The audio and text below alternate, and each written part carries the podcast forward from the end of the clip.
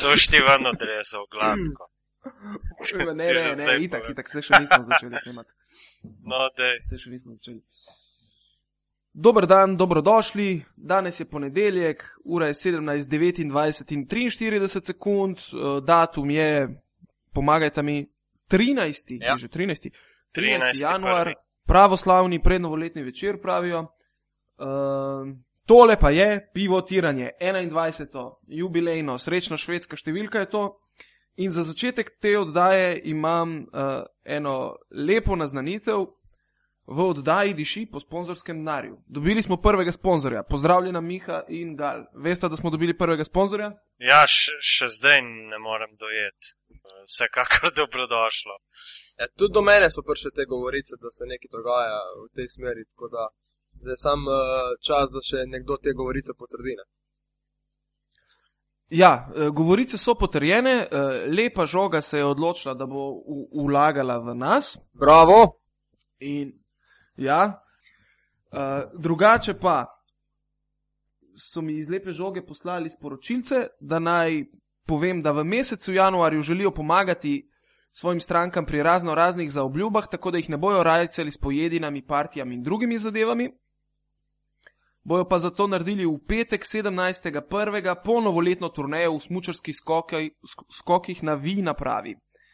24.1. pa bojo imeli zaprti turnir lepe žoge v namiznem nogometu. Zaprt je zato, da ne pridejo zraven tisti drketovi motherfuckeri, Ja. ki so si naredili celo zvezo in potem zaradi tega težijo okoli šank igralcem, ki to delajo za zabavo. ne. Uh, drugače sta videla, kdaj je igrala smučarske skoke na igrici?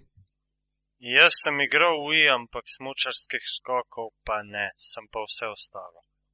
Jaz tudi nimam v, v, v spominu, da bi kdaj smučal se kako igrali. Bowling, mislim, da je bil aktualen, pa boks, uh, golf, to se še spomnim, uh, in tenis.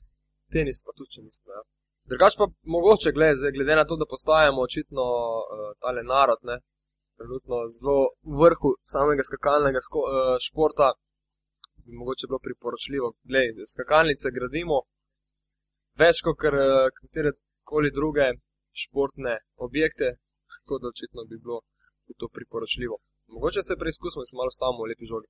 Jaz sem enkrat igral smučarske skoke in to je bilo full dobro, še na, mm, kaj je bila, una neka deluxe jump igrica. Ok, nekaj to je druga zgodba. ja, to smo igrali vsi. Tisto je pa drugo, tisto, tisto pa smo bili kar nori nekaj časa na to. Ja, Med službenim časom takrat. Mi smo Ja. imeli posebno verzijo, kjer si igral pač eno roko si imel na tipkovnici in, in uh, z njo si nekako korigiral, zraven si v drugi roki imel štamprle žgane pijače in s telesom si pa vse čas mogel simulirati, se pravi let in telemark. Ne? Gledala se je seveda zadeva, ki si jo tam opravil. In uh, ostali kolegi, pivski soborci, so ti pa zraven dajali oceno za slog, kako si dobro držal kozarček in kako si pravilno pristal. Ne? Uh, Ful dober turnir je bil, v četrtem nastropju smo ga igrali ob 3 zjutraj, sem se končal s prihodom policije zaradi kršenja javnega reda in miru, tako da ga nismo jih neki pogosto ponavljali, no, ampak je pa zakon zadeva, priporočam vsakemu. Tako da, kdor ima čas, da bi probal smučarske skoke na Wii-u, dobrodošel v lepi žogi. Kaj pa, če bi to poskusil s perovskim kriglom, bi bilo pa še mal težje. Ne? Zdaj odvisno, To bi ali bilo- je un nemški To zaprt bi bilo potem tako kot dejansko na skokih. Če imaš dobre pogoje, ti nekaj točk vzamejo, če imaš slabe, ti jih nekaj dodajo. Ne? In če bi imel kdo pač tok, po domače rečeno, jajc, da bi s perovskim kriglom to delal, bi mu verjeten kaj točk že po defaultu dodali. Definitivno, definitivno. To, evo, evo, evo, razvijajo se in pravijo, da nismo športna nacija, da ne me vas. Uh, ajde, gremo zdaj na šport, ki ga mi načeloma pokrivamo, to je košarka. Uh, in ker je to daja za naše košarkarske selektorje, se dajmo ustaviti kar pri Euroligi. Eno, mislim, da drugo kolo Eurolige je zdaj bilo, se pravi, top 16 je za nami, kjer se je zgodila ena, v bistvu najbolj zanimiva zadeva. Olimpijakos je dobil po. Pesi Ja, Tintari. po v. Milanu. V Milanu. In mislim, da. eh, Ampak pazi, pazi, to- v Milanu, v nogometnem mestu. In to s kakšno igro? Ja, ne, pe, posebej prepričljivo, ne, 51 točk. v celi tekmi Olimpijakosa. Ja. 8 pik v tretji četrtini, 11 v drugi in v četrti, 21 v prvi, ko so celo vodili 5 pik. Uh, vsekakor pa so italijani pokazali, da takrat, ko so napaljeni, lahko premagajo vsazga. Takrat, ko razmišljajo ne vem o čemu, pa so sposobni izgubiti tudi prav vsak. Recimo, najbolj zanimiva zadeva mi je, da je eh, Milano uspel v celotni tekmi zbrati sedem asistenc. In vseeno razturu Olimpijakos. Imel sem občutek, da vsaka akcija je bila solo akcija. Točno, ne, se ni šlo samo za igro v napadu. Mogoče ta še vedno ni tako bleščeča oziroma tako ekipna, kot bi trenerji želeli. Bolje šlo za igro v obrambi, ker so Milančani odigrali zelo, zelo v redu, predvsem v drugem polčasu in imeli ogromno nekih protinapadov, pol protinapadov, 2 na 1, 3 na 2, to pa oni vse znajo reševati, imajo zelo hitre igralce. Tudi ko igrajo z Nikolom Meljem na peticiji, je to košarkar, ki je sposoben od polovice dalje sprintati čez in, in zaključiti celotno zadevo. Uh, Hackett, Langford sta tako ali tako odigrala zelo dobro tekmo, tako da oni nimajo težav z neko tranzicijsko igro. No? Tudi Curtis Jarrell se je seveda znan po tem, da ko dobi žogo, gremo čez, ne? na Juriš na drugo stran. Uh, in z obrambno igro, mislim, da je imel Gianni Lavol celo pet blokad, oziroma pet, pet banan, no, da rečem po domače. Uh, skupno so izbrali osem, kar je daleč nad nekim normalnim povprečjem vseh ekip, praktično, ne samo Milana. Ne. S tem so zaprli, zaprli uh, raketo tudi z nekimi deloma na pol ukradenimi žogami, ki niso bili tiste klasične, ampak so enostavno spravili uh, Olimpakos v te težave. S tem, da Spanulis ni mogel zadeti trojke in se je pač gostom očitno tokrat zalomilo, sicer prvič v letošnji sezoni, no, če pošteno povem. Da sploh ne omenjamo odstotka za tri točke, krepko čez eh, 50 odstotkov. Ja, absolutno. Ja. Na drugi strani pa Olimpijakos 3,18. Tako da dejansko tukaj že v pogledu na statistiko ti je tako jasno. ja, čisti polom. To je, odkar jaz spremljam košarko, ni bil Olimpijakos tako nebogljen. Mislim, vse se jih vidi, mislim, da jih je treflo vse. Ne? In luna, in slab dan, in ne vem kaj. Jaz mislim, da je to moglo priti. no. Uh, mesečno perilo, karkoli, ne? ampak dvomim, da bomo videli slabšo predstavo Olimpijakosa. V, v, ne samo v tej sezoni, ampak še v kakšni naprej. Ja, to je tista tekma, kot je enostavno ne gre nič. Se tudi uh, uh, Jorgos Brstokas je skušal z nekimi rotacijami, ampak enostavno ni imel, ni imel razpoloženega košarkarja.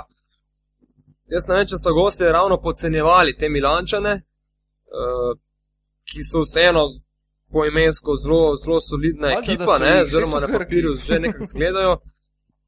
Uh, vsekakor pa mislim, da bo na koncu Olimpijako še vedno više kot pa en Milano. No. Ja, potem je pa še, še tukaj, če gremo kar naprej, oziroma sta mislim, da še kaj povedati o tej Kar, kar, tekmi. kar, kar. Uh, ja, saj za me je, bil, je bila zmaga Barcelone v Carigradu kar presenetljiva. Ne?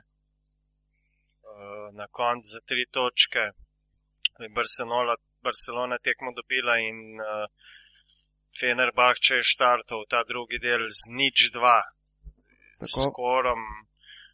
Uh, in dejansko vnesel kar precej dvomov, po mojem, tudi tistim največjim optimistom, ki so, ki so napovedovali, da bo zdaj z Obradovičem pa res lahko šel do konca, ampak se je spet izkazalo, da nekako tole ni, eh, da to še ni to, predvsem na, na organizatorju igre in na centrih so imeli ogromno problemov.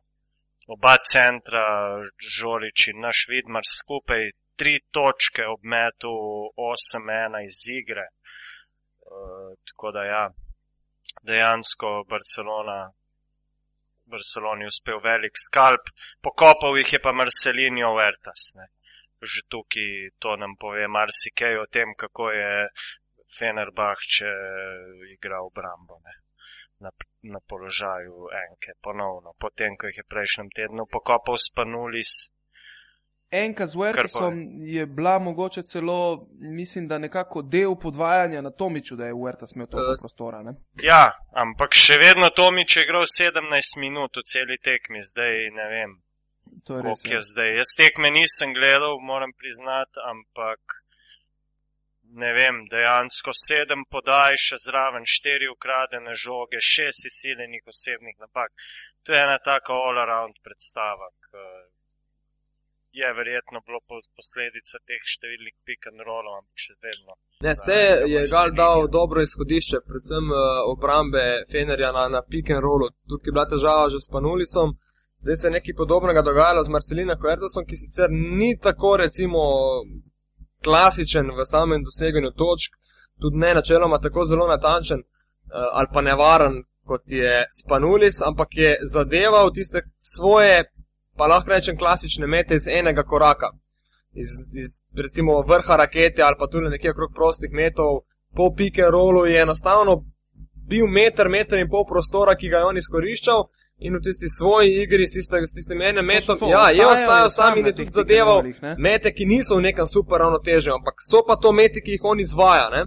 Ker zanimivo, da je potem tudi po vstopu Viktor Sada, mislim, da takoj prvo ali drugo akcijo, ravno tako zaključil s koše, pa je igral samo 10 minut, recimo. Se pravi, tudi on je videl ta, ta prostor v, v obrambi Fenerja. Očitno se tle dogaja, oziroma pojavlja težava zaradi Buja Makeleba, ki enostavno je dovolj agresiven vse tja do, recimo, med sredino igrišča in trojko, na blokadah pa enostavno zaostaja, uh, se zabija, vedno je korak zadaj in potem tudi centri niso uspeli tukaj narediti praktično ničesar v razigranem Marcelinu Huertosu. In potem, ko je parkrat zadev, so se začele še asistence.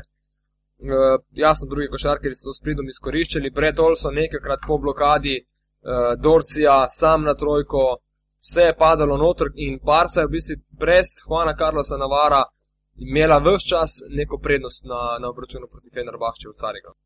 Se pravi, ne vidim tukaj, da bi Marcelinho imel, uh, ok, super večer, absolutno, ampak hkrati tudi uh, neko pomankljivost, predvsem v obrambi Fenerbahče na poziciji trga organizatorja igre, ki se zdaj že vleče, ne že drugo tekmo zapored. Morda v prvem delu uh, igre se to še ni toliko poznalo. Zdaj tudi začenja Buma Kelep in ne več Kenan Sipahi tekme v, v top 16, se pravi, je tudi Obradovič že kaže na ta način, tukaj gre bolj za res.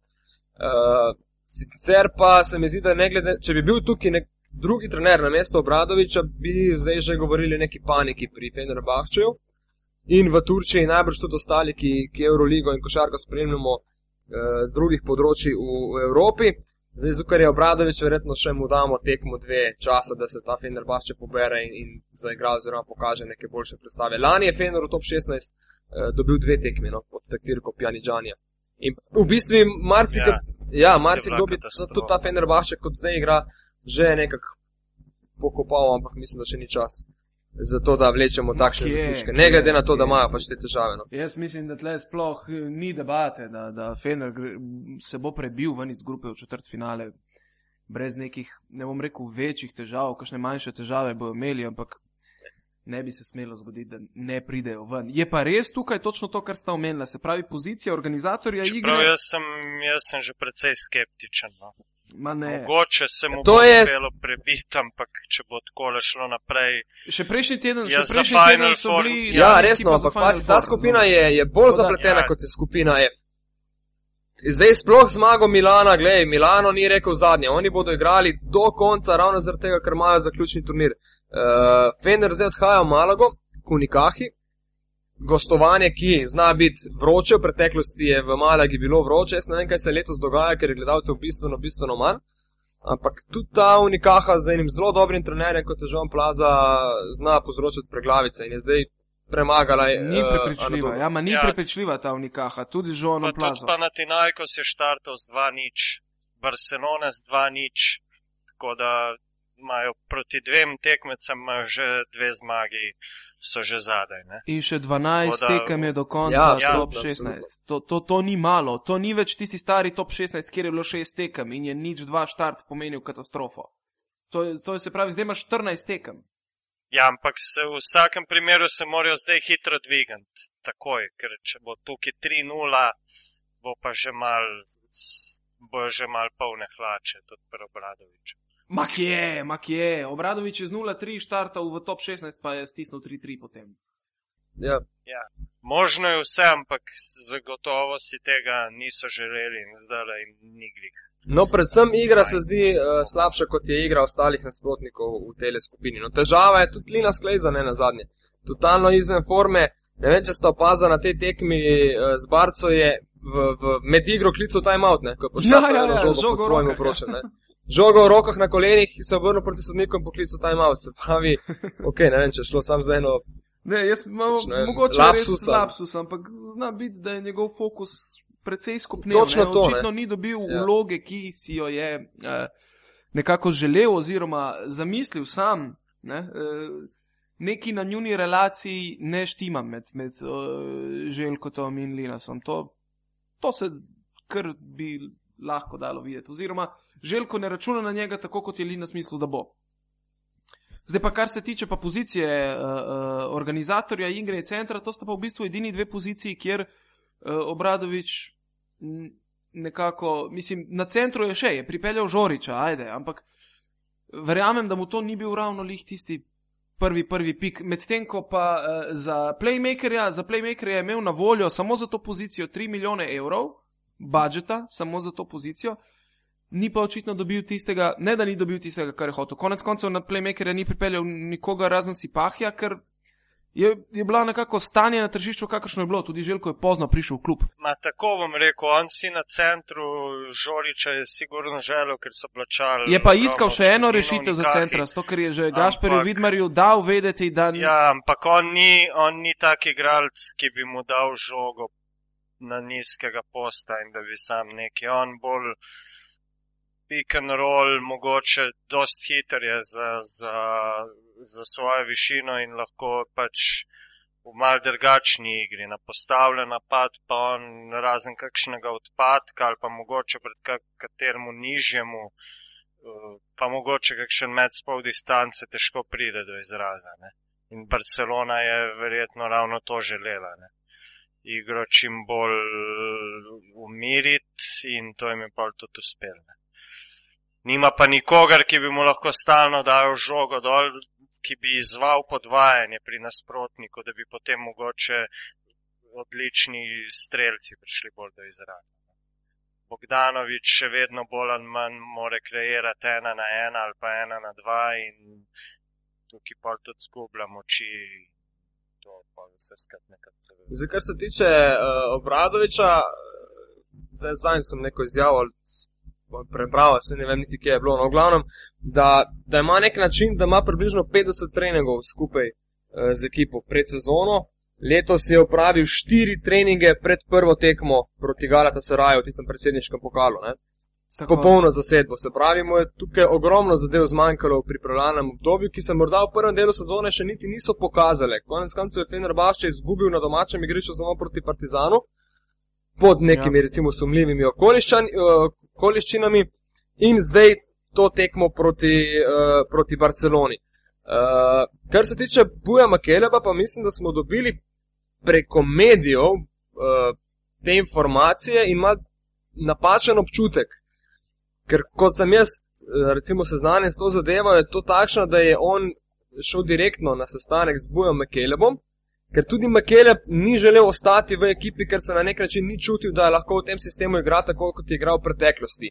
In mu je pa je rekel, da je lani videl eno dobro njegovo tekmo, ne spomnim se zdaj iz glave, katero točno, in da če bo na takšen način igral, kot je igral na tisti tekmi v letošnji sezoni, da ga on želi v svoji ekipi.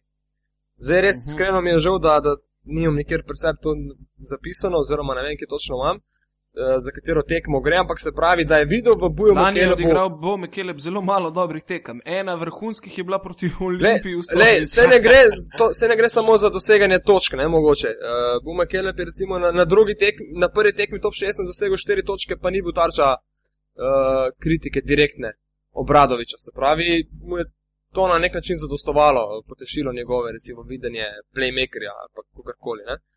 Se pravi, mislim, da tudi Buma Kelep, čeprav praviš, da so imeli tak budžet namenjen za playmakerja uh, in glede na to, da Teodosiča niso dobili, če je res obstajala pač varianta, da mogoče ga je dejansko želel v ta svoj sistem upeljati na takšen način, kot je v njemu že enkrat prej v pranski sezoni videl.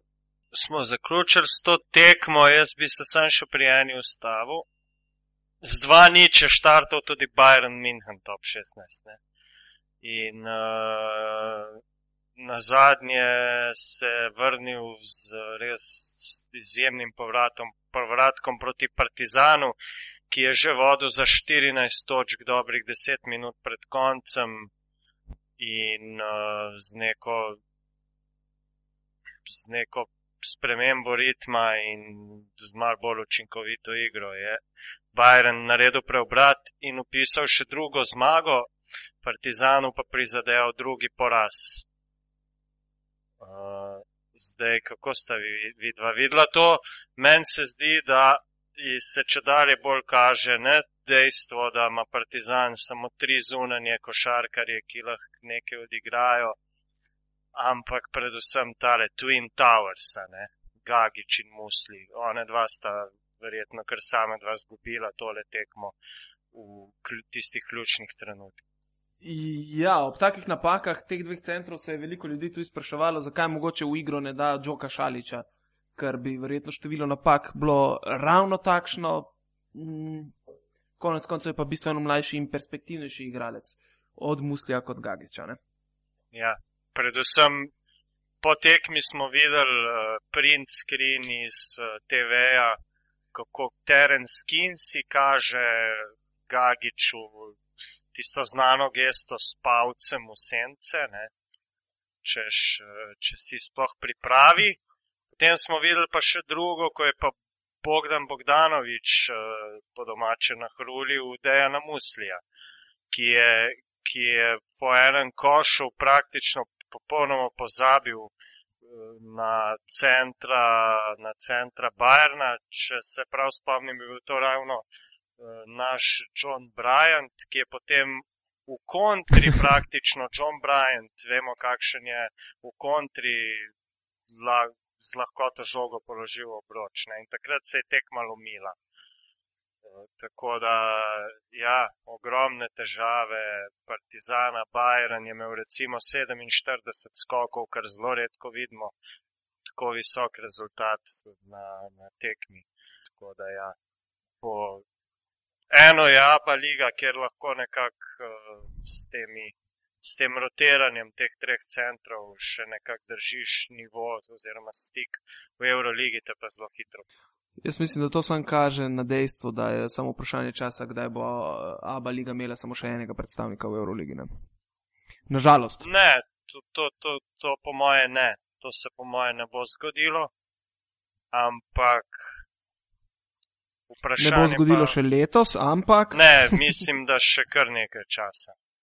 Ker že tako ali drugače smo šli iz treh na dva plus kvalifikacije, oziroma iz štirih.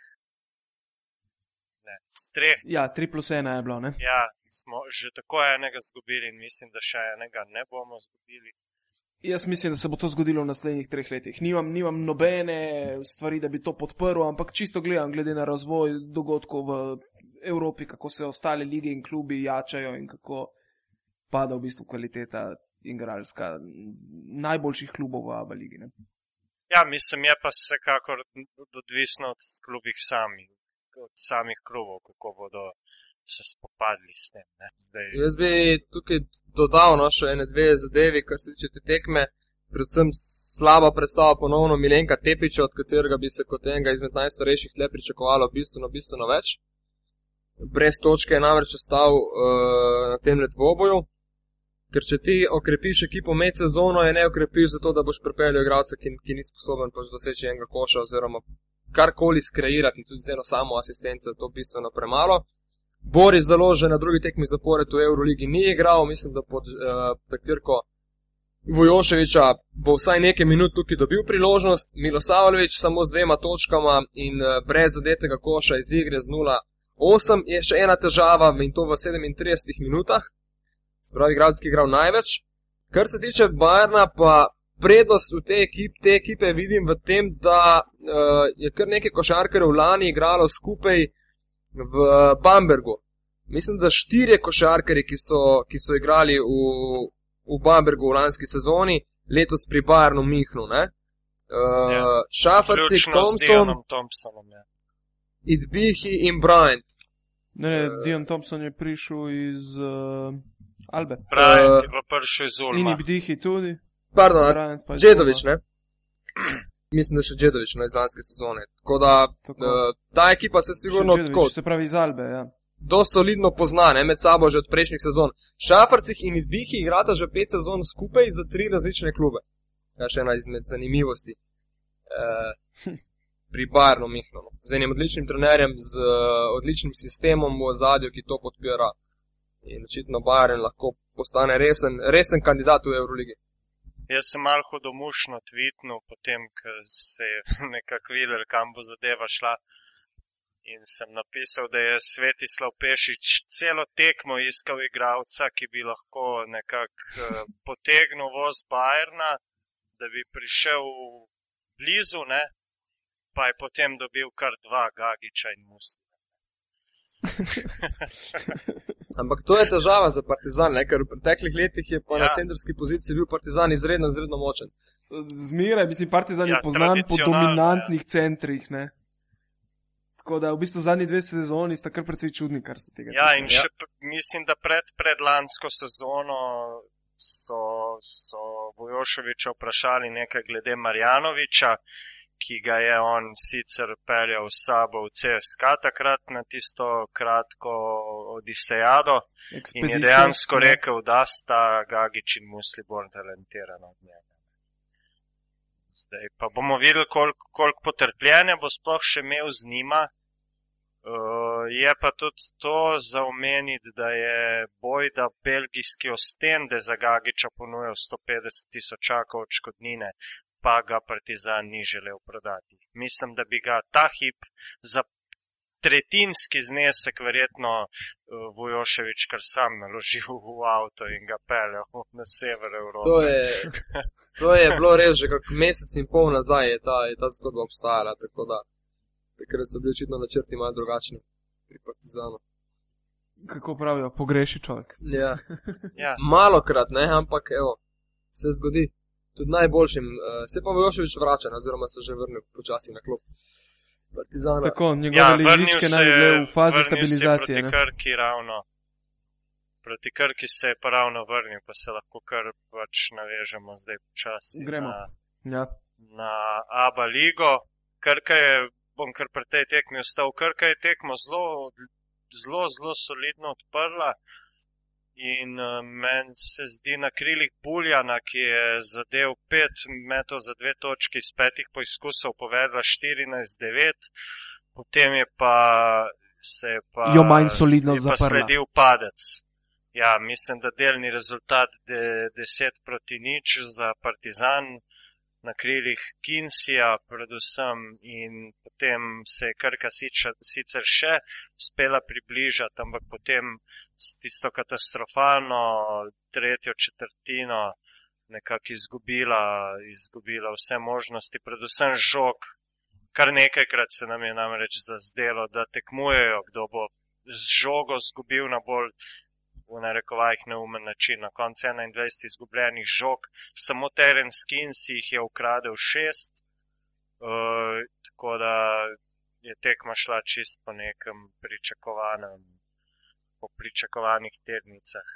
Igral je praktično samo Jaka Klobučar, 21 točk. Pri, pri Partizanu pa Kinsi in pa Bogdanovič v, v spredju. Tako da, ja, je pa po tej tekmi Vojoševi, mislim, trener Krke Džikič eh, dejal, da bomo k malu v dresu Partizana videli kar nekaj njegovih igralcev.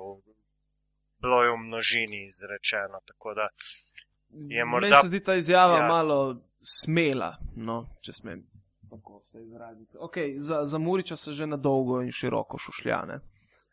Ja, zdaj, zdaj je to vprašanje. Vse mlade je mislil, ali je mislil še mogoče svojega centra, ali morda kastratija, zdaj pa potem se pa nekako mladih igralcev ja. število počasi konča. Ne? Ja, tudi vprašanje, kaj je hotel s tem povedati, glede na to, da gre za partizanovca. Uh, tudi govorijo o nekem soliranju, potem, da, da, da so nekateri prišli, njegovi igralci prišli, da bi se dokazali, češ posamezno, da, da lahko igrajo s Partizanom, ni pa bilo neke, neke timske, tiste ekipne igre, ki tudi po njegovem mnenju edina lahko Krko pripelje do tega, da bi se s tekmecem kot je Partizan nekako kosali do samega konca. Mislim, da je ta izjava bila bolj kot ne eh, sarkastična. Mislim. Ja, tudi pri njemu. Saj jaz sem jo tako doživel. No. Tako da ja. In tale poraz je Olimpija nekako izkoristila, ne? če gremo kar naprej in se po zmagah eh, s svojimi rivali izenačila in jih tudi prehitela na lestvici. Olimpij je Mhm. uspel kar ko- konkreten skok na osmo mesto s to zmago proti širokem. Uh, tako da zdaj nekako spet. Eno tekmo zaostaja za MZT, ne? eno zmago. Ja, in potem je tukaj že odprto mesto na, na, na evropske vozovnice, tako da če bo Olimpiji uspelo nekako eh, nadaljevati vsaj s podobnimi igrami, čeprav v naslednjem kolu bo proti Crveni zvezdi v gosteh izjemno težko, eh, bi se lahko hitro predvsej dvignili. No. In tega si tudi želimo, tako da. Jaz upam, da ne bo nadaljevala s takšnimi igrami, kot si zdaj tako malo menil. No? Ker če Točno bo to. igrala tako, Mislim, kot s je igrala takšnimi proti, rezultati bolj. z rezultati, pa ja, se strinjam. Ja. S takšno igro, kot je bila proti širokemu, uh, pa š, meni se ni zdela niti sama igra v osnovi tako grozno slaba, kot je bil zaključek akcije slab, oziroma tista zadnja podaja. V prvem polčasu sem celo imel občutek, da je Olimpija odigrala bolje kot nasprotnik, pa je izgubila polčas. Uh, Spravi ena zelo nenavadna tekma z grešenimi, v bistvu tistimi res zadnjimi osnovnimi podajami, tudi neki protinapad. Uh, Jackson, uh, Gajlius 2 na 1 sta to tako zašuštrala, da, je- da niso uspela niti metati v bistvu. No. Pa potem Gajlius enkrat v protinapadu, zakora, uh, je, ki je zakorakal. Ob sicer dobro metu, nič ni tukaj uh, kakšna beseda proti, ampak še vedno je to široki, je to ekipa, ki, ki bi jo pač mogel, glede na to, da si imel 15 točk prednosti, mislim, da v začetku druge četrtine, samo še potegniti in nekako rutinirano pripeljati v tisto zadnjo četrtino in potem je zgodba zaključena. Ne glede recimo na, na, na široki ene park, se poskušal še potem vrniti in tako naprej. Uh, na koncu jim ni uspelo, ampak ne glede na vse, jaz sem tekmo komaj pogledal do konca. Nimam občutka, da se Olimpija dviguje v sami igri. Zdaj, rezultati so jim malo šli na roko, ampak sama igra se m- pa še vedno Na, ne vidim, da napredka, napredka v tej igri tudi jaz uh, ne vidim. Ne. Je pa dejstvo, da je bil nasprotnik tak, da si mu lahko mal ponudil za povohat, pa si ga vsem premagal. Zdaj vprašanje je, kako bi bilo s kakšnim drugim nasprotnikom. Uh, tako da definitivno to še ni tisti obraz, ki si ga ljubljančani želijo, zagotovo. Ne. Zdaj pazi, ne, Gajlius, Več napak. Gajlius je v prvem polčasu dosegel dve piki, potem pa zadev mislim, da uh, tri trojke zapored v, v, v roku ne, vem, dveh slabih minut. Tudi na polčas z Ja, roke. mislim, to tekmo je Ja, Gajlius ne, sam- se pravi, takrat se je ta razlika tudi naredila in uh, če tega ne bi bilo, jaz mislim, da bi se fanti bistveno, bistveno bolj mučili do, do zaključka tega obračuna. Jaz bi sam pohvalil iz tega dvoboja uh, centra Olimpije Alena Omiča, ne za igro v napadu samo, sicer z dvojnim dvojčkom 15 plus 11, predvsem za igro v obrambi.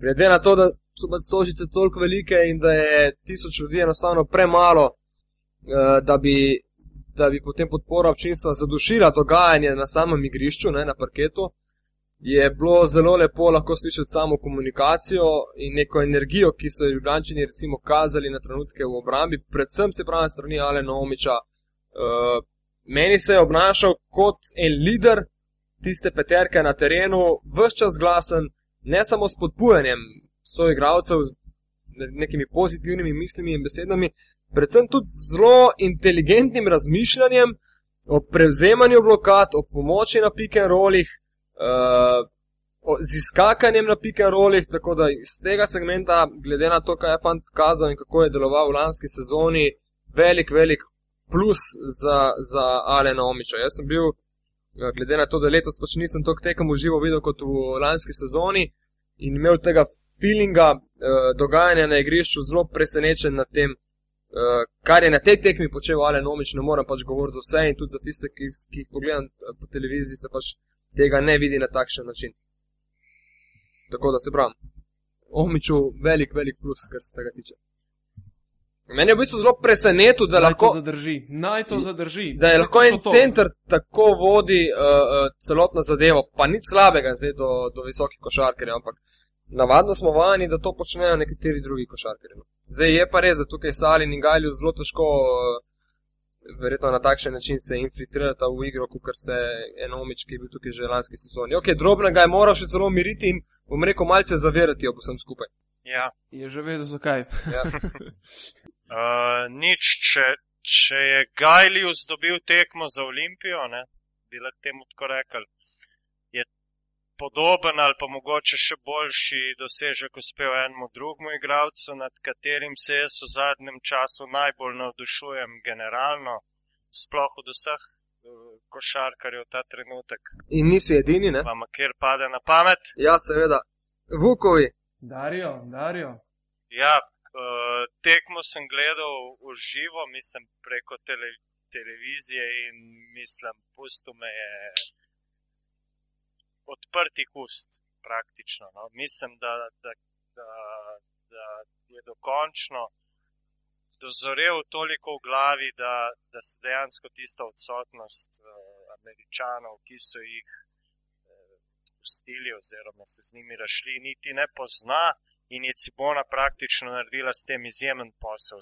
V eni potezi je Šariča potisnila še bolj naprej, on je to vrnil mogoče še trikrat bolj, kot so si oni zamislili, ob tem so pa še prešparali. Ne. Rezultati so isti kot prej, uh, tako da dejansko si pa lahko obetajo zdaj še mogoče kakšen evro več, ker eh, takele predstave ceno dvigujejo v nebo. 29 točk, 4-5 trojke, vključno z zadnjo 20 sekund pred koncem, s katero je izenačil rezultat, potem je še prisilil Willija Warrena v izgubljeno žogo, uh, mislim res kapo dol za 19. Meni je edina škoda, mislim, to je vse bravurozno, kar počne, itak je že v mlajših kategorijah restauraval. Edina škoda mi je, da so se prav odločili, da ga bojo postavili samo še na krilnega centra, ne nekako. Vedno več se mi zdi, da končuje na krilnem centru in premalo na krilnem. Ma ne vem, meni men se zdi, da je njegova pozicija štiri, štirica ne? in on tudi te druge primesi košarkarske igre dobro upelje na ta položaj. Ne? Ne, ne, se je, izjemno inteligenten je igralec in nekako se mi zdi, da ne, itak na hrvaškem čin dobiš sploh iz Dalmacije, ko dobiš takega igralca, ga avtomatično začneš primerjati s Tonijem Kukočem. Ne? Skoraj da ne gre drugače. Čeprav si Darijo verjetno bolj želi, da bi ga z Draženom primerjali, ne? ampak je tukaj zelo težko usporednice iskati. Ja, bomo videli, kaj se bo zgodilo. E, Pri Darju je zanimiva ta zadeva, da so bolj njegov, njegov lastnik v bistvu ni klub, če bi rekel, kot lastnik pogodbe. Ne? Ampak je privat firma zelo čudnega porekla, ki se ukvarja z varovanjem ja. oseb in premoženja. Oni so tudi plačali odškodnino uh, uh, Zagrebu in me zanima, kako se bo naprej razvijala ta zgodba glede njegove prodaje. Mislim, da Saga Šarič še ne bo tako hitro končana mirno. No? Ja, zdaj je tudi vprašanje, kako se bo odločil sploh, ker če bo že po tej Vprašanje, če, če bo že letos se podal na draft, odloča, ga, to je bolj vprašanje. Je pa dejansko, da z vsako sezono, ki bo dlje mogoče počakal v Evropi, bo višji izbor. Ne? In v primeru, mm. da bi se podal na draft čez kakšne dve leti, bi znal biti kar top 3 izbor. ne. Mislim, da bo iz Cibona on prodan še prej v kakšen evropski klub. Ja, Iz drafta ne morejo neke večje odškodnine potegniti. Ne? Drugač pa je uh, to podjetje, ki je sponzoriralo pol milijončka, Clem Security. Aha, si našel, bravo. Samo vprašanje je tudi, kako so se oni dogovorili zdaj, kdaj bodo to dobili nazaj. In In na kakšen način. Ja. So, so kakšni procenti Absolutno. v igri, po mojem. No? Uh, ok, še ena stvar bi bila mogoče prijava ligi za omeniti. Na izhodnih vratih, oziroma že praktično kaput, Ja. je največja okrepitev, najbolj zveneča okrepitev crvene Aba- zvezde. Aba lige, In tudi najdražja okrepitev. Ne? Jaz sem od Crvene zvezde. Na splošno v ligi najdražji igralec, sigurno. Uh, ja, danes je Radonič uh, nekaj govoril o tem, da se ni vklopil in da bomo še videli, kako bo to šlo naprej. Pa čez nekaj časa je že bila informacija, da v Nižni Novgorod ne bo potoval, kjer bo Crvena zvezda gostovala v drugem delu top 32 evrov kapa. Tako da brško ne bo tukaj le malo sledil odhod. Je pa vprašanje. Tudi on... predsednik Crvene zvezde Neboša Čovič ga je kar grdo napadel ne, v medijih. Ja, rekel je, da je tudi on napravil več kot šilp. Tako da. To mi je zanimivo, zakaj prihaja do tega, v bistvu, da in tudi navijači Crvene zvezde pa nekako si želijo, da bi šil postal in so proti, se mi zdi, kolikor sem videl po samem tripu na Twitterju, so proti temu, da se ga tako grdo napada igralca, ne? ne glede na njegovo ceno in kaj je naredil. Ja, jaz mislim, da je tukaj Dejan Radonič kriv za, za, za tole, da se on ni vklopil, ker ne samo zato, da, da mogoče se ne strinjam z nekaterimi njegovimi odločitvami, kar se sigurno ne, ampak v tem primeru je trener tisti, ki, ki nosi odgovornost. On si ga je zaželel, ga je dobil in ni ga vklopil v ekipo. Torej uh, je stvar jasna. Ne? Mislim, zdaj pa kako bo pa tole rešil kako bodo pa tole rešili situacijo, pa Bog znane. Ker ima dve plus ena pogodbo, mislim, da celo nekatere garantirane prihodke in bo kar težava. Ja, lej, Blake Shield je prišel v, v zvezdo iz francoskega Elan Šalona, kjer je preživel, mislim, da štiri sezone zadnje, ali tri. V lanski Euroligi je on ogromno igral in imel tudi, bi rekel, ogromno dobrih iger, pokazal predvsem ja. napadalno. Ne? je pa bil Elan Šalon v bistvu čisto druga ekipa. To je bila ekipa, ki je, bi rekel, precej indijansko igrala in. in ja, za njega bolj pisana na, na, na, na kožo. Ja. Tam noter sta igrala dva igralca, Playmaker, un, kaj je že bil, Steve, Čimbo, ali kaj že, in, in pa on, Blake Shield. Tako da znašel se je v bistvu v ekipi, z, kjer je trener s popolnoma drugo filozofijo, uh, nekako malo bolj omejen na obrambo. Ne?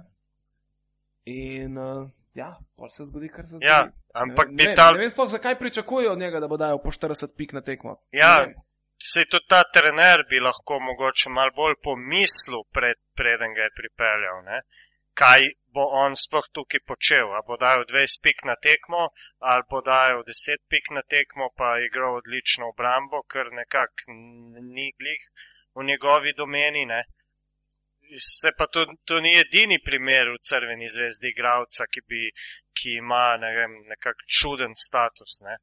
To smo z Mihatom pogovarjali. Na Twitterju je omenil še eno ja, drago rezervo. Ne? Ja, Charles Jenkins eh, je prav tako bil pripeljan kot igralec iz NBA lige, pa igra povprečno na tekmu 20 minut.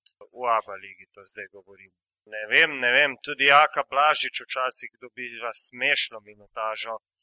Uh, tako da, ne vem, mislim. Ampak Jaka je načeloma dobro izkoristi, za razliko od ostalih. Ja.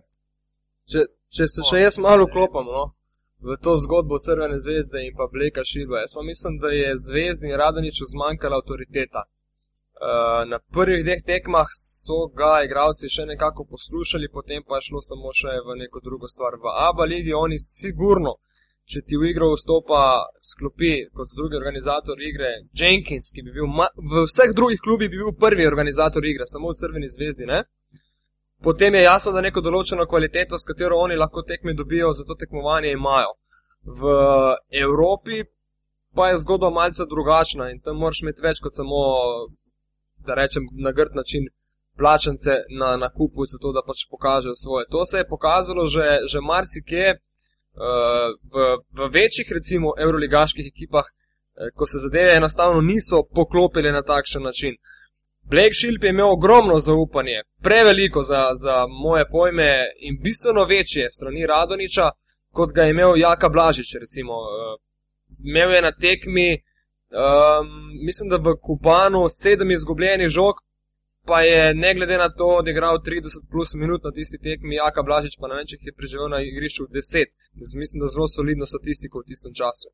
Torej, Radonič mu je tukaj dal popolnoma odprte roke in mogoče zdaj, ko se je v Euroligi spadlo, ko je Radonič hotel neke določene zadeve zaostriti, to je nek moj pogled eh, iz strani, je tudi Bleku Šilbo verjetno malce svet posvetila lučka in ga je najbolj vprašal, zakaj se zdaj točno gre, ne? če ga je prej dva meseca in pol trepljal po ramenu.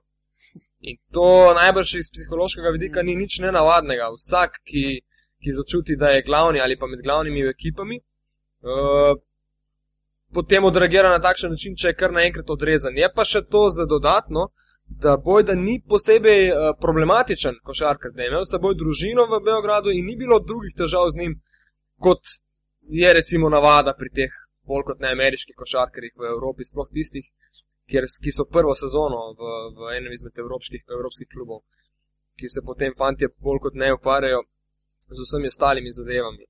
Je pa Blake Shilp, ne, ja, recimo med drugim. Je pa Blake Shilp, se pravi, no, s tem, tem boj, da ni bilo nekih eh, težav.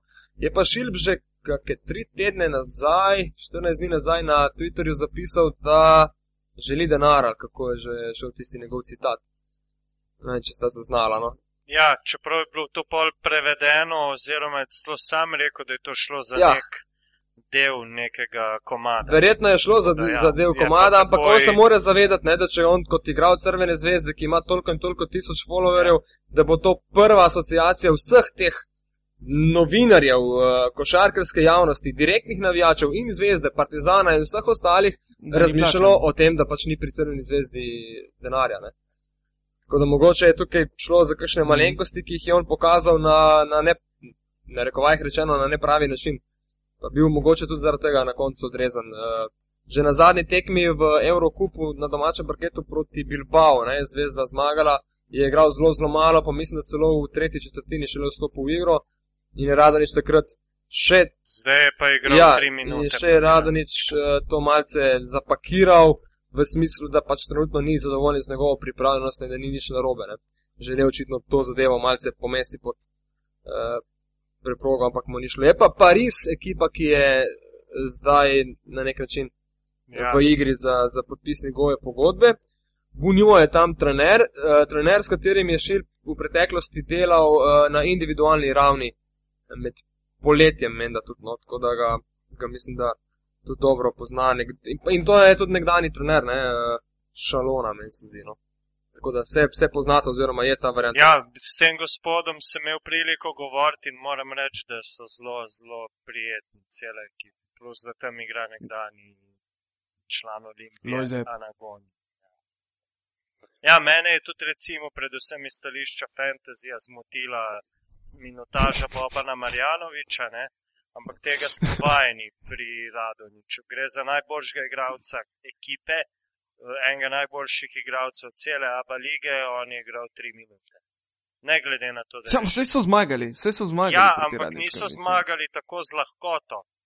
V zadnjo četrtino so šli z minus sedem. Tako da, ja, po drugi strani pa Raško Katič, kot sem že parkrat napisal na, na Twitterju, ga Radonič koristi kot da je križanec med Hakimom in Šekom. Ne. Vse žoge grejo na njega, stalno ga iščejo, prav forsirajo to igro, ne glede mu gre, mu ne gre, stalno ima polno žog. In še to sem opazil pri njemu v zadnjem času, da ko žogo dobi, je ne bo dal več od sebe, pa če je ne vem kaj, mora biti res neugodna. polo- V neugodnem položaju mora biti tako, da niti ne vidi nikamor, da jo bo podal naprej. Ne. Kako Tako že da- gre una? Igra basket, pije laško, jebe ribe, katič raško. Ja, tako da, da, da jaz sem s Bobanom Marjanovičem za letos v Fantasyju zaključil, tako kot z vsemi igralci Crvene zvezde. Eh, Ne bom več uh, tako riskiral, a bo igral 3 minute ali bo igral 25, ne glede na to, da je Bobby tip igralca, ki lahko v 13 minutah doseže indeks preko 20. Ne. Uh, tako kot je to uspelo Jusufu Nurkiču v 15 minutah in indeks 28 proti Zagrebu. Miha, ti si hotel še nekaj povedati? Ne, ravno kar berem te zadeve v Šilbu, tudi na Twitterju. No. Zdaj so Meče Karevič, pa Pavnič, tako da zgleda bo še zelo, zelo zanimivo. Pač vse svobo, vsa svobodna srpska krila. Ne? Ja, ampak to, če bo to neka, če bo to neka rešitev, Jaz sem se samo malo nasmejal. Sem pa, sem pa tudi jaz na Twitterju bral nekaj bolj verjetno v šali mišljeno, da so se nekateri navijači Crvene zvezde oddahnili, da tekom sezone zdaj v Abu Leiji igralci iz ene ekipe ne morejo prehajati v drugo, ker bi v nasprotnem primeru Aleksa Popoviča, ker bi Crveno zvezdo stari Radoničev znanec iz. No, to je super, gledaj, za, za obrambo to bo tekma na 50 pik. Ja, krili bodo Popoviča pa na 3 metre. Pa še Laziča poleg njega v ekipi, ne? Ja, in, in potem Raško nima dovolj prostora, da se guzi košem. In je gotovo. Ne? Čeprav jaz, kolikor kaže zgodovina pri Nebošičoviču, se ne bi čudil, da bi ob prvem naslednjem porazu s Partizanom in še kakšni tekmi zraven, se pravi, dovolj, da se nanizata dva poraza v treh tekmah in se bo že iskalo novega trenerja. Ne? Ja, to pa sigurno. Sploh, če bo to tik pred zaključnim turnirjem ali kaj takega, to, mislim, to so pa njegove menjave. Ne? Ja, jaz sem že začuden, da se že do zdaj ni nič govorilo v tej smeri. Ja, zmagovali so. Se gled, se ni nekega razloga bilo do zdaj v, v Euroligi, niti ne sme oziroma ne more obstajati za novinca primarni cilj vrstitev med najboljših 16. Oni so še vedno na koncu se lahko izrečejo, oziroma se trener lahko izreče, da je imel zmago več kot Partizan, pa pač ni uspel priti dalje. Podaljšek proti Panatinajkosu, se pravi, tudi ne moreš nič reči, s tem, da mu njegovo prid recimo govori tudi to, da so igrali tekmo proti lokomotivu, prvo tekmo v, v areni, ne v pionirju, ne? Ker bi spet mogoče atmosfera bila drugačna. Mm. Pravi, kar se tiče Eurolige, mu nima kdo kaj očitati in kar se tiče Abu lige, spet zelo težko, glede na to, da je zvezda na vrhu. Ne? Tako da jaz nisem pričakoval v tem obdobju, da se bo menjavalo trenerja. E, spet pa moraš dobiti tudi trenerja, ki bo, ki bo poslušen za vodstvo kluba in ne obratno. In ne Točno obratno. to. Se pravi, ja. dobiš nekoga, ki je obetaven, ki računaš na to, da bi lahko nekaj naredil, hkrati pa pač mora neke tvoje zahteve non-stop verjetno poslušati z leve in z desne strani. Dvorezni meč. Ok, predno to dokončno zdaj zapakiramo, bi rad samo še, da mi povete svoj komentar o dveh tekmah, ali pa mogoče treh v naslednjem kolu Eurolige.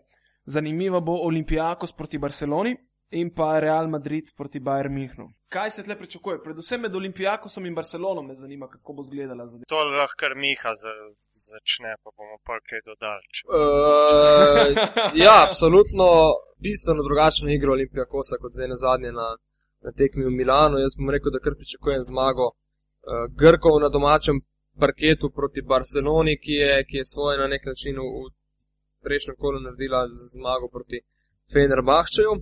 Uh, na nek način zanimiv tudi slovenski dvoboj, če bo Mir Zabegiš dobil neko priložnost pri Olimpijakosu. Na drugi strani Lorbek igra iz tekme v tekmo več. Uh, in pa zanimiv dvoboj dveh playmakerjev, ki sta bila MVP-ja prvega oziroma drugega kola tega top 16, Huertasa in uh, pa Spanolisa, kar se tiče tega. Jaz mislim, da bomo gledali tukaj zanimiv dvoboj med uh, zunanjo linijo Olimpijakosa in pa notranjo linijo Barcelone. Se pravi, nekako vsak bo demonstriral s, s, svojo najmočnejšo stvar. Resno, ampak ne, ne, zdaj na zadnje je vseeno Marcelino Huertas bil tisti, ki je bil onak tekme proti Fenerbahčeju, kljub temu, da smo pričakovali, da bo, da bo Barca mogoče na centrskih pozicijah močnejša od Fenerbahčeja. Uh, in da bo žogo vse čas spuščala v raketo, pa se na nek način to niti ni prišlo tako do izraza. Bo pa Papa Nikolao se vrnil uh, v dvorano miru in prijateljstva, v dresu Barcelone. Tako, verjetno ne ravno v mirnem in Ja. prijateljskem vzdušju. ne. Ja, vprašanje, no. Ja, uh, že en dan prej kot vse tekme, pa se bo zgodila ta med Realom in Bayernom, kjer jaz pričakujem nov stampedo Reala in čist nič drugega kot zmago. za Sam, 20 a se vama zdi več. mogoče, da, da Real malo pada v formi? Mislim, še vedno vse zmaguje in vse se suva, ampak te razlike se počasi manjšajo. ne. Absolutno, jaz sem bil, jaz prej Ja. nisem uspel dodati, oziroma nismo prišli na tekmo Reala in, uh, in Galata Saraja. Meni je to bilo veliko presenečenje strani Turkov, ki so igrali brez vseh štirih centrov. Bili so brez uh, Furkana Aldemirja, brez Neita Žavaja, brez katerega so že dva meseca, brez Ervina Dadlija. Uh, ok, če grem še na zunanje položi, na položaje, uh, manjkal je tudi Marko Išvili. uh, na centrski liniji pa še, še, še, še enega imajo, ne vem, zdaj bom, če ne poklikal sproti. V glavnem, jaz sem Je pa Mačvan za to naredil posel. Ne? Mačvan je odigral, uh, Borusis je zelo zaostajal v obrambi, kot da bi podcenjeval celotno zgodbo. Grki uh, oziroma Turki so pa to izkoriščali. Tudi neki zapisi, neke analize so pol uh, takoj potekli prišle ven, da se ekipe ne smejo ustrašiti uh, hitre igre z Realom. Ne umirati Real Madrid, ampak z njim teči, skušati teči in skušati prehiteti te Borusisa in ostale fante, ki se vrtijo dokaj nonšalantno v obrambo ta moment. Real pa napadalno gledano ustraja v svoji igri. Uh, nekateri fanti si privoščijo 4-5 nič, mislim, da Ljul v Beogradu 7 ali 8 je na trojke, zdaj Fernandez z zelo slabim metom 4 ali 5 nič za 3 točke. Tako da vsega dana na tak način mogoče, mogoče dobiti, če imaš spet en zelo, zelo dober večer, uh, tudi sam pri metu za 3 točke. Ampak, ampak še vedno je bil pa med za dve točki astronomskih 70%. Ne? Jaz te tekme spet, seveda, nisem gledal, ampak pričakujem, da je bilo veliko tega polagan. Pa dej, nehi to govori, da nisi In- gledal. No. Ja, ne, dejansko nisem. Ne moreš gledati, mislim, 12 tekem na teden, to pa tudi moja glava. ne more Je bil pa spreducirati. men sabon sušen, no, med manjkajočimi, ki se zdaj vračajo pri Galati. Ja, de, dejansko imaš pri Realu ena, dva, tri, šest, šest modelov z dvoštevilčnimi, dvoštevilčnim dosežkom točk. Mislim, da kadar ti to rata, boš težko tekmo zgubil. Jaz še vedno, jaz pravim, da, da, da Real ostaja daleč, daleč, daleč najboljša ekipa. Ta hip in trenutno sploh ne vidim nikogar, ki bi jih bil sposoben dobiti na neke dve tekme. No, s tem se jaz strinjam, ampak sam pravim, da, da mogoče način igre eh, proti Ja. Realu, da se mu postaviš po robu to, da, da pač z njim probaš igrati in da stečeš. Ker je Milan Mačvan v prvi četrtini dosegel tri, morda štiri zelo, zelo lahka polaganja, ko je bil Morusis šele na sredini terena in se sploh ni vračal. Da dodamo še, uh, še Kešlja, ki je, ki pa je izredno metal za, za tri točke, tudi ne, mislim, da svojo najboljšo tekmo pokazal. Ercek. Ne, pardon, Zoran Ercega. Ercega, Kešelj ja. se je zgubil. Točno, ja, tudi tekmo, tekmo življenja skoraj v Euroligi, svoj najboljši indeks postavil.